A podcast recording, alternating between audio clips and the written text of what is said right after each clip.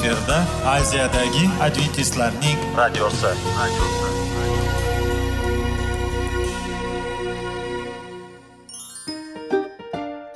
Assalomu alaykum radio tinglovchimiz. Dasturimizga xush kelibsiz va bizni tinglayotganingizga sizdan judayam minnatdormiz. Bugungi bizning dasturimizning nomi sog'liq daqiqasi deb ataladi va biz sizlarga bu dasturda mevalarning foydasi haqida so'zlab bermoqchimiz. Ya'ni uning tarkibi uning tarixini va foydali xususiyatlari haqida. Aziz do'stlar mevani iste'mol qilish kerak ekan va biz boshladik. Ketdik. Sog'liq daqiqasi soliqning kaliti qiziqarli ma'lumotlar faktlar. Har kuni siz uchun foydali maslahatlar. Sog'liq daqiqasi rubrikasi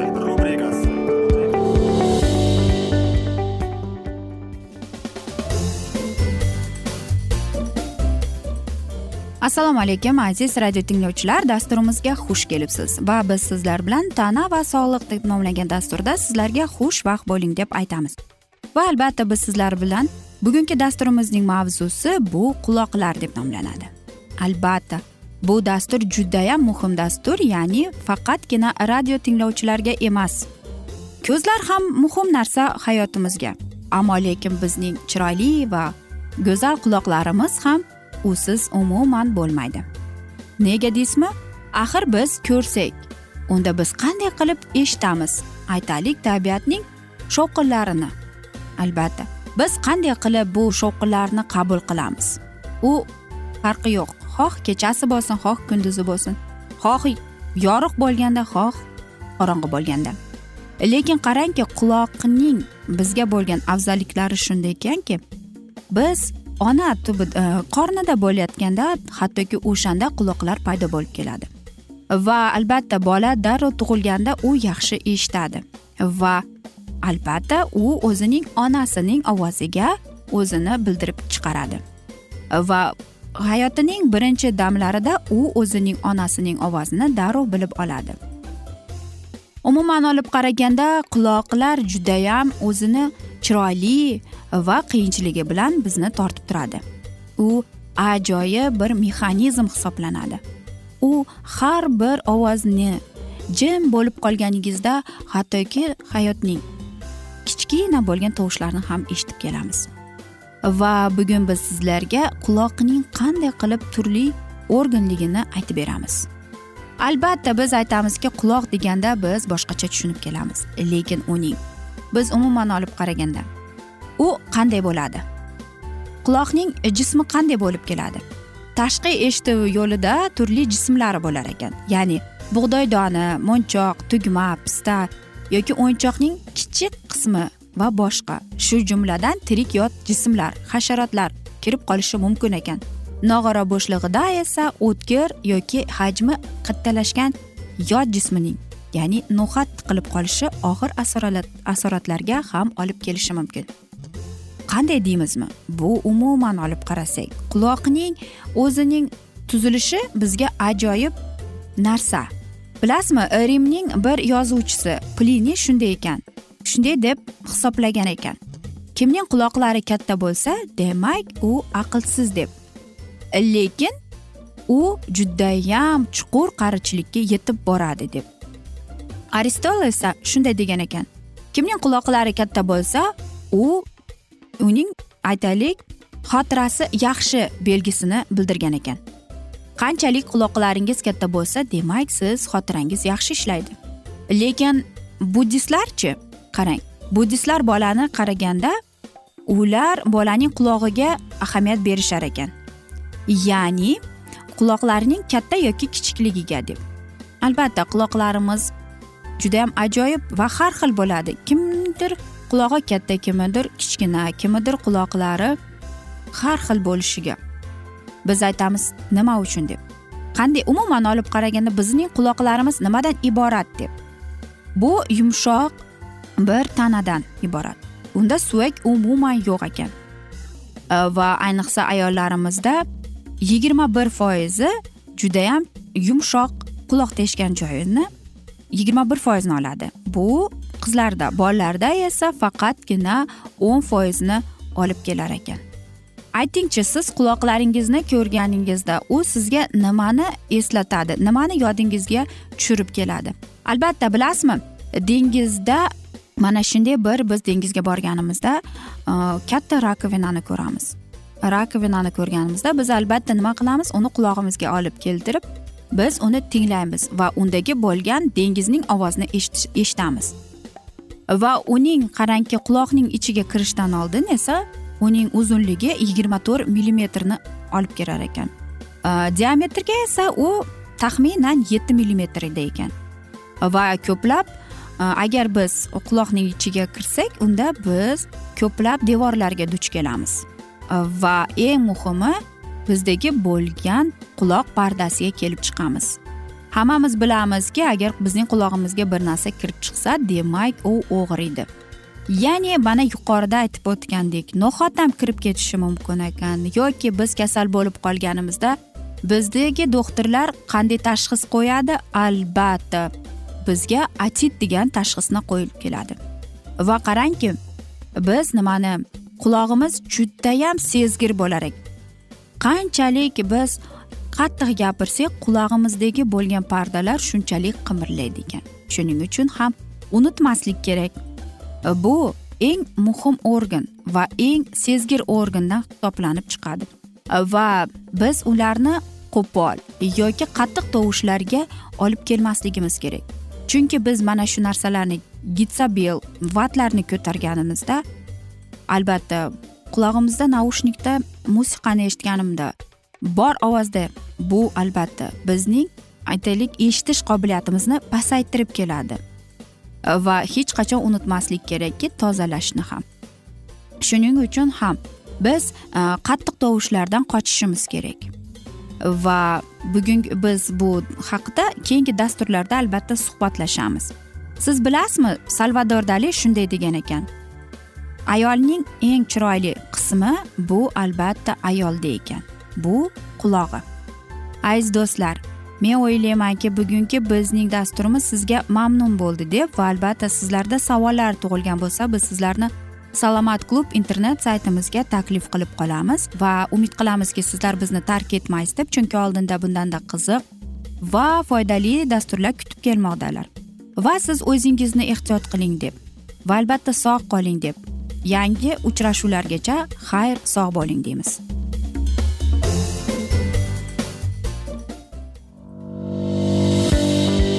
Sog'liq daqiqasi soliqning kaliti qiziqarli ma'lumotlar faktlar. Har kuni siz uchun foydali maslahatlar. Sog'liq daqiqasi rubrikasi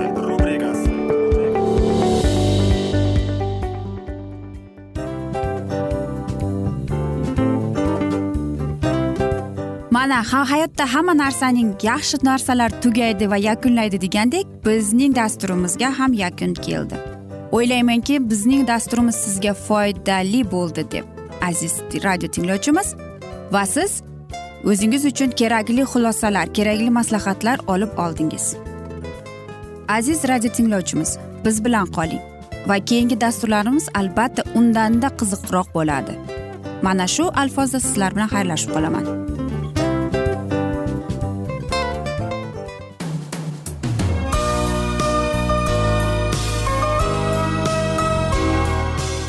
Efirda aziyadagi adventistlarning radiosi.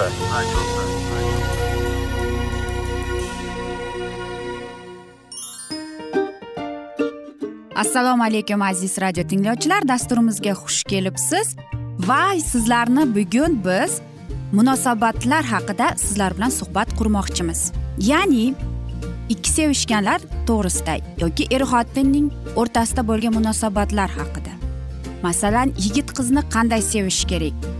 Er xotinni qanday sevish kerak? Xotin erini qanday sevish kerak? Qanday munosabatda bo'lish kerak ular bir biriga mana shunday haqida bizning mavzuyimiz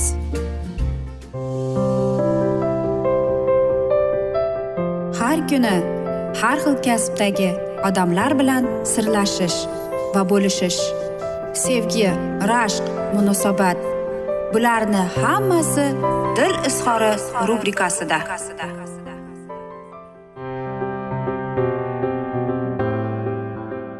Assalomu alaykum aziz radio tinglovchilar. Dasturimizga xush kelibsiz. Va biz sizlar bilan erkaklar marsdan ayollar veneradan degan dasturni o'qib eshittirishni boshlagan edik. Va bugungi bizning dasturimizning mavzusi qanday qilib erkaklar bizni o'zlari bilmasdan janjalga qo'zg'atadi deb nomlanadi. Albatta juda ko'plab e, munosabatlarda erkaklar bizni janjallarga e, qo'zg'atadi. Qanday qilib deysizmi? Ular ayollarning his tuyg'ularini pastga urib yoki uning aytaylik aytgan gaplarini. Ular tushunmaydiki qanchalik ayollar mana shu narsani og'riq bilan o'tib ketadi. Aytaylik masalan erkak kishi undagi bo'lgan e, yomon xislatlarni aytadi. Ya'ni qanday deydimi? Keyin aytib bo'lib ha bo'pti yaqin olma yuragingga deb qo'yadi lekin bu esa boshqa erkakka bu so'z albatta xuddi do'stiga aytgandek tuyuladi. Lekin ayol kishiga esa judayam xafa bo'ladi. Nimaga deysiz? Chunki u o'ylaydiki buning umuman menga bo'lgan hislari yo'q deb. Yoki mana masalan boshqa bir misol. Erkak aytaylik bir narsani masalasini yechgisi kelyapti ayolni qiynayotgan masalani yu shunday deydi. Sen unday o'ylamagin hammasi ham bunchalik qo'rqinchli emas deb. Keyin esa u sizga ko'pillab muammolarni e, yechimini aytib beradi. Va albatta o'ylaydiki mening turmush o'rtog'im mening mana shunday unga bo'lgan munosabatlarini uning muammolarining yechimini topganimga e, mening turmush o'rtog'im mendan xursand bo'ladi deb o'ylaymiz. Ammo lekin erkak kishi tushunmaydiki u nimani his etadi. Ular esa shunday. U shuni qabul qilmayapti. Mening tashvishlanishim ham o'zining ildizi bor deb va u meni qo'llab quvvatlashga e, bo'lmaydi deb. E, va ayol kishi esa buni albatta tushunib yetmaydi. Va yana bir narsa borki yana bir mana shunday masala. Aytaylik erkak kishi bir narsa qilib qo'ydi. Ayol kishi mana shuning oqibatidan o'zini judayam yomon his qilyapti. Albatta uning bizga bo'lgan munosabati darrov qanday bo'ladi? U bizga yordam bergisi kelib qoladi va u bizga mana shu zahotiyoq tushuntirishga harakat qilib ko'radi. Va u aytishi kerakki nega sen bundan tashvishlanyapsan deb. Hammaning o'zining sababi bor deb aytadi. Va mana shunday hokazo narsalar. U tushunmaydi. Erkak kishi qanchalik bizga tushuntirishga harakat qilmasin. Ayol kishiga e, u mana shunday tuyuladiki u meni umuman hislarim bilan kelishmaydi deb.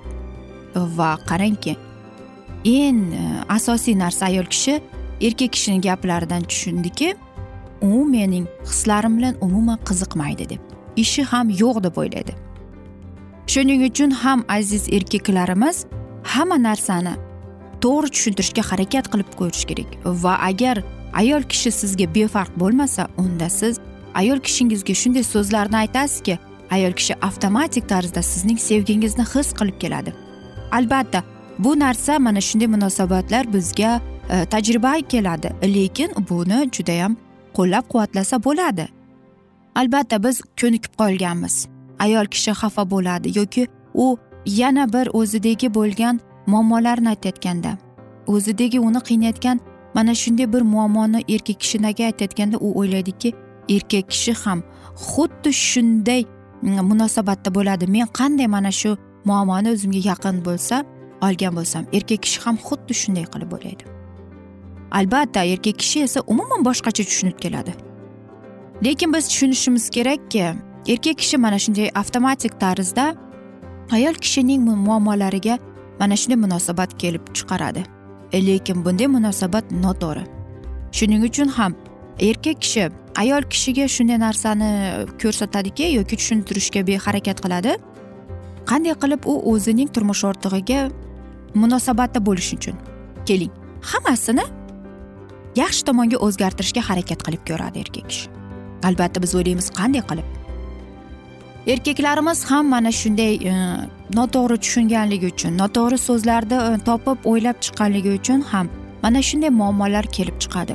Albatta biz ayollar veneradan bo'lgani sababli e, biz erkak kishilarning so'zlarini umuman boshqacha qilib aytamiz.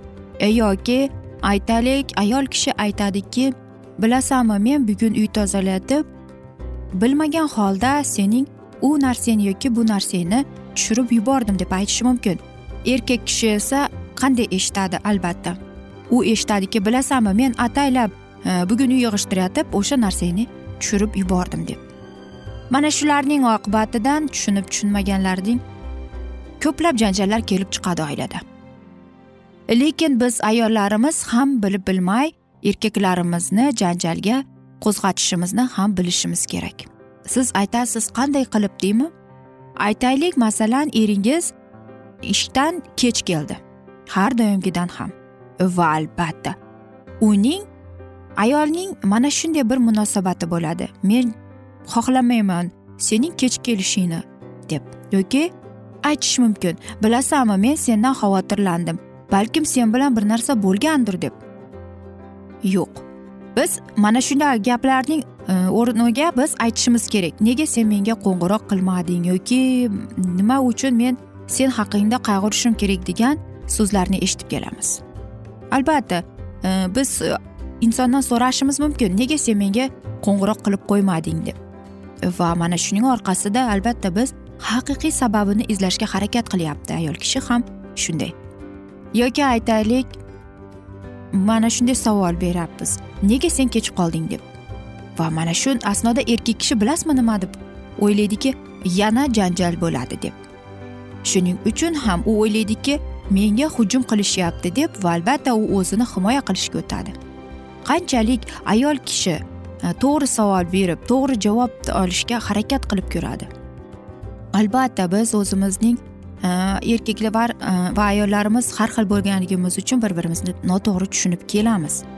Shuning uchun ham hech qachon unutmasligimiz kerak. Biz nima bo'lganda ham har xil dunyodagi insonlarmiz. Shuning uchun ham aziz ayollarimiz biz erkaklarimizni qo'llab quvvatlashimiz kerak. Chunki agar biz uni shunday qilsak ayol kishi hech narsani unutmaslik kerak. Nimaki qilgan bo'lsa ham biz to'g'risini aytishimiz kerak ekan. Aziz do'stlar afsuski mana shunday asnoda biz bugungi dasturimizni yakunlab qolamiz. Lekin men umid qilaman sizlar bizni tark etmaysiz deb chunki oldinda bundanda qiziq va foydali dasturlar sizni kutib kelmoqda va albatta biz sizlarga va oilangizga tinchlik totuvlik tilab aziz do'stlar seving seviling deb xayrlashib qolamiz.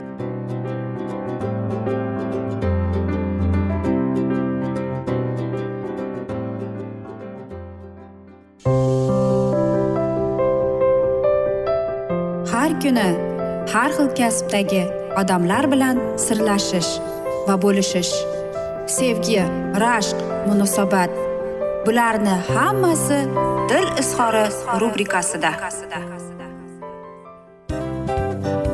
Mana aziz radio tinglovchimiz bizning go'zal va foydali va chiroyli dasturimiz yakunlanib bormoqda. Sizlarga birozgina maslahat berib o'tmoqchi edik.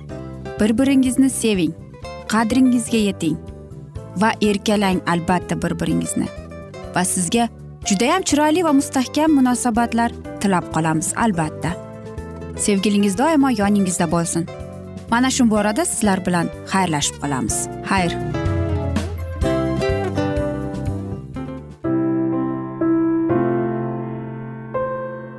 Hayotning noni. Qiziqtirgan savollar va javoblar. Buning hammasi ko'ngil uchun oziqa rubrikasida.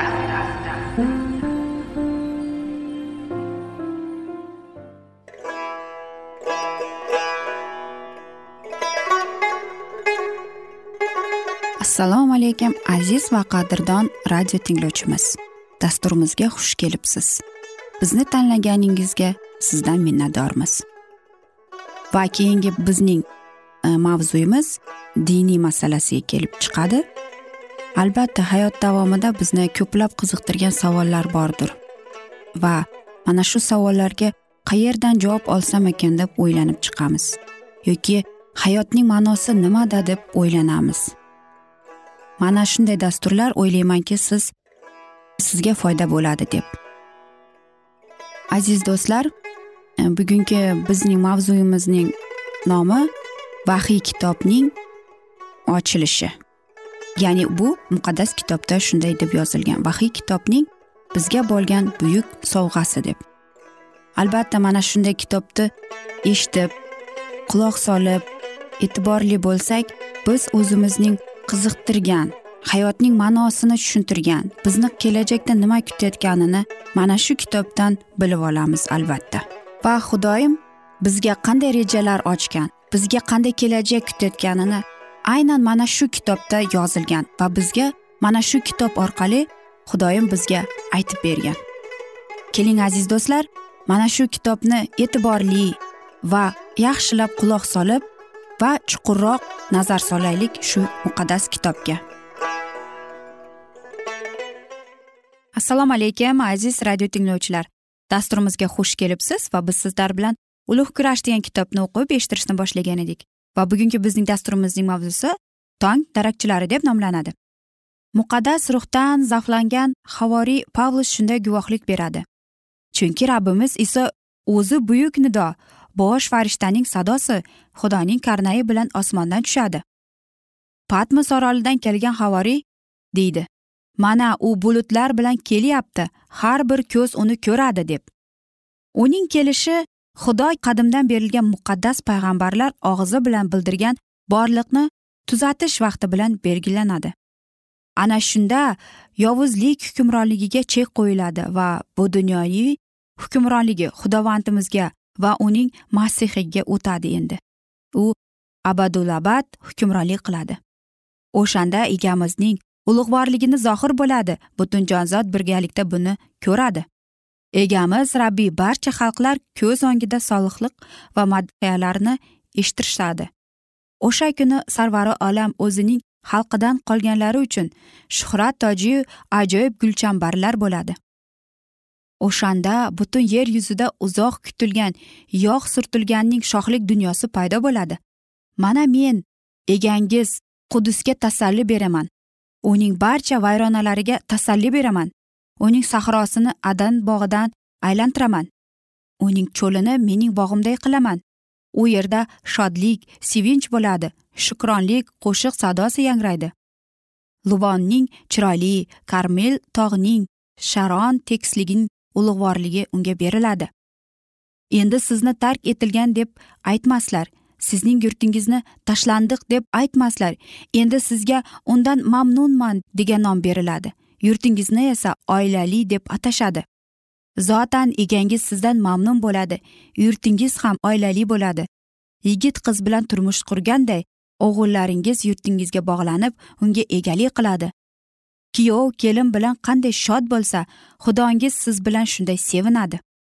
Barcha asrlarda rabbiyning qaytishi uning haqiqiy izdoshlarini ruhlantirib kelgan.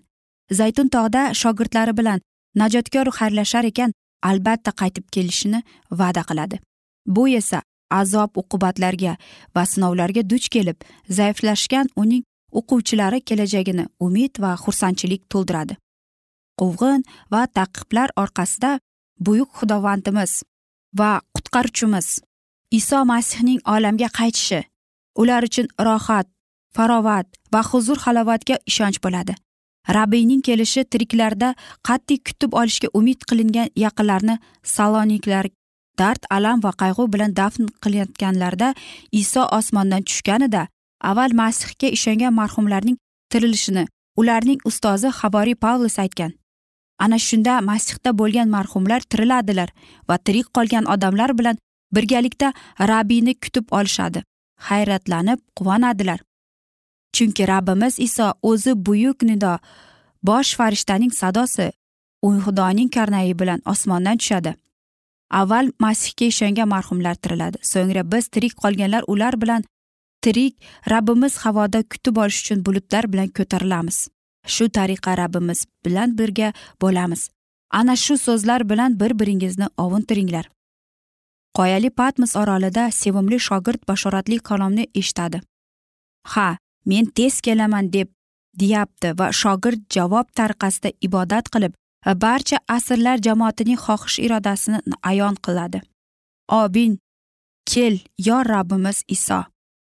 Muqaddaslar va jarbiydilar haqiqat to'g'risida guvohlik bergan zindonlardan gulxan olovlari va jallodlarning kundalaridan eshitilayotgan ovozlar barcha asrlar o'sha o'tib kelib hammaga umid ishonch bag'ishlamoqda. Rabbiyning tirilishiga ishongan shuningdek masih kelgan vaqtda o'zining ham tirilishiga ishongan. O'sha masihaylardan birinchi aytishicha ular o'limga nafrat bilan qaraganlar va o'limdan yuqori turganlar. Ular qabrdan ozod bo'lib chiqish uchun halok bo'lib qabrga kirish ham rozi edilar. Ular rabbiyning samoviy ota shon shuhratning bulutlarida qaytilishi solihlar uchun o'z shohligini o'rnatuvchi najotkorning kelishini kutganlar. Valdenslar ham shu kabi ishonchga ega bo'lganlar. Uiklif najotkorning olamga qaytishi jamoatning umidi sifatida kutgan. Lyuter shunday degan ishonchim komil hukm kuni uch yuz yil keyin kelsa kerak. Bu nopok dunyoga xudovand boshqa toqat qilolmaydi qilishni ham xohlamaydi. Dunyoviy jaholat shohlikni ag'darilib yo'q qilib yuboriladigan buyuk kun yaqinlashmoqda. Bu chirib bitgan dunyoning vayron bo'lishiga yaqin qoldi degan edi milandxon kalvin masihning kelishini asli ikkilanmay buyuk hodislarning eng quvonchli bayrami sifatida umid bilan kutib olishi lozimligini masihiylarga uqtirgan. Shuningdek bu kunning kelishini har bir masihiy oila intizorlik bilan kutish kerakligini biz masihga zoriqish his qilishimiz lozimligini rabbimiz o'zining shohligini butun borlig'i bilan namoyon qilib buyuk kunning tongi otmaguncha biz uni izlashimizni u haqida o'ylashimiz darodkorligini kalvin taqidlagan nahotki bizning rabbimiz masih inson tanasida osmonga ko'tarilgan bo'lsa deydi shotlandiya islohotchi noks nahotki u yana ortga qaytmasa u tez orada olamga qaytib kelishini biz bilamiz. O'z hayotlarini haqiqat uchun qurbon qilgan ridli va latimer rabbiyning qaytishini intizorlik bilan kutadilar. Aziz do'stlar mana shu asnoda biz afsuski bugungi dasturimizni yakunlab qolamiz. Lekin keyingi dasturlarda albatta mana shu mavzuni yana o'qib eshittiramiz. Ammo sizlarda savollar paydo bo'lgan bo'lsa biz sizlarni alkitab media internet saytimizga taklif qilib qolamiz. Va albatta umid qilamizki tark etmaysiz deb chunki oldinda bundanda qiziq va foydali dasturlar kutib kelmoqda. Va biz sizlarga sog' omon qoling deb xayrlashib qolamiz.